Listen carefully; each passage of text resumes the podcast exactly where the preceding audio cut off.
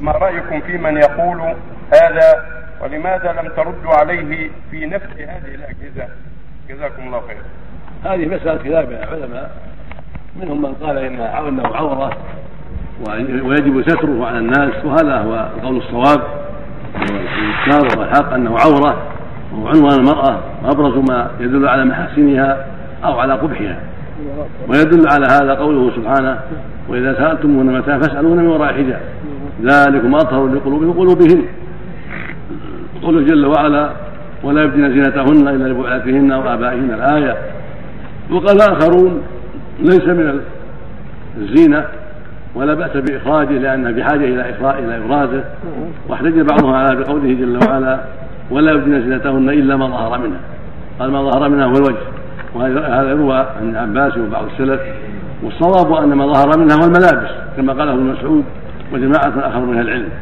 ولهذا قال في الآية الأخرى ولا يبدين زينتهن إلا لبعولتهن أو آبائهن ولم يقل إلا الوجه والكفين بل بل عمم. وقال في الآية الأخرى وإذا سالتم فاسألوهن من وراء حجاب.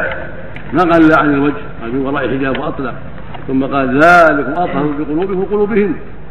وبين سبحانه أن الحجاب أطهر لقلوب الجميع الرجال والنساء. أما الرد فقد كتبنا ردا وكتبنا ردا وكتب غيرنا. والمسألة معروفة عند العلماء. نعم. حديث عائشة. نعم. حديث عائشة في اذا بلغت المراه المحيط لم يضل هذا حديث أسماء. هذا حديث أسماء بنت أبي بكر. ضعيف. ليس بصحيح. جاء عن عن أسماء بنت أبي بكر. عن عائشة من حديث أسماء من قصة أسماء بنت أبي بكر أختها أنها دخلت على النبي صلى الله عليه وسلم وعليها ثياب الرقاق. فعرض عنها النبي صلى الله عليه وسلم وقال يا أسماء إن المرأة إذا بلغت المحيض لم يحل لا يرى منها إلا هذا وهذا وأشار إلى وجهه وكفيه. احتج به من قال بكشف الوجه.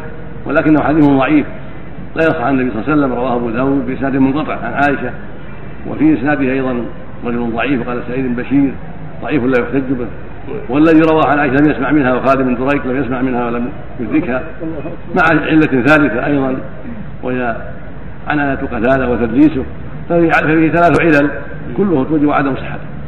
نعم ولو صح ولو صح لكان فيصل. نعم اذا لحق بين الركب تغطينا أو أو هذا صريح. فيه أي نعم هذا. حديث عائشة في الركب. عائشة، نعم. مع كانوا مع في كانوا مع النبي صلى الله عليه وسلم في حجه الوداع. قال قال, كنا نكشف وجوهنا فإذا دنا من الركب سدت سدت سدت احدانا خمارها على وجهها حتى يبتعد. كذلك حديثها في قصة الإفك.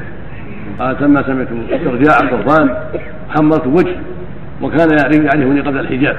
فدل ذلك على انهم بعد الحجاب صاروا يخمرون الوجوه ويسترونها وإنما كانت تكشف قبل الحجاب نعم.